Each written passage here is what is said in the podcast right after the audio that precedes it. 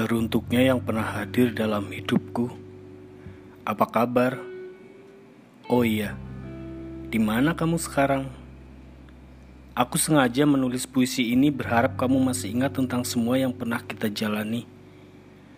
Masih ingatkah dengan aku yang pernah tersakiti olehmu? Tapi maaf, aku hanya sekedar rindu. Berharap kembali aku pun tidak. Dan aku berharap kamu baik-baik saja di sana. Oh iya, aku sudah mengubur semuanya kok. Semua cerita yang pernah kita jalani biarlah berlalu dan menjadi pelengkap cerita jalan hidupku. Aku sadar, memikirkanmu setiap waktu itu hanya membuat aku semakin jatuh ke dalam kehancuran. Terima kasih pernah hadir dalam hidupku. Dari kamu aku banyak belajar arti mencintai dan dicintai. Belajar bagaimana menghargai dan menjadikan seseorang bahagia. Aku berharap tak ada lagi seseorang yang tersakiti seperti aku.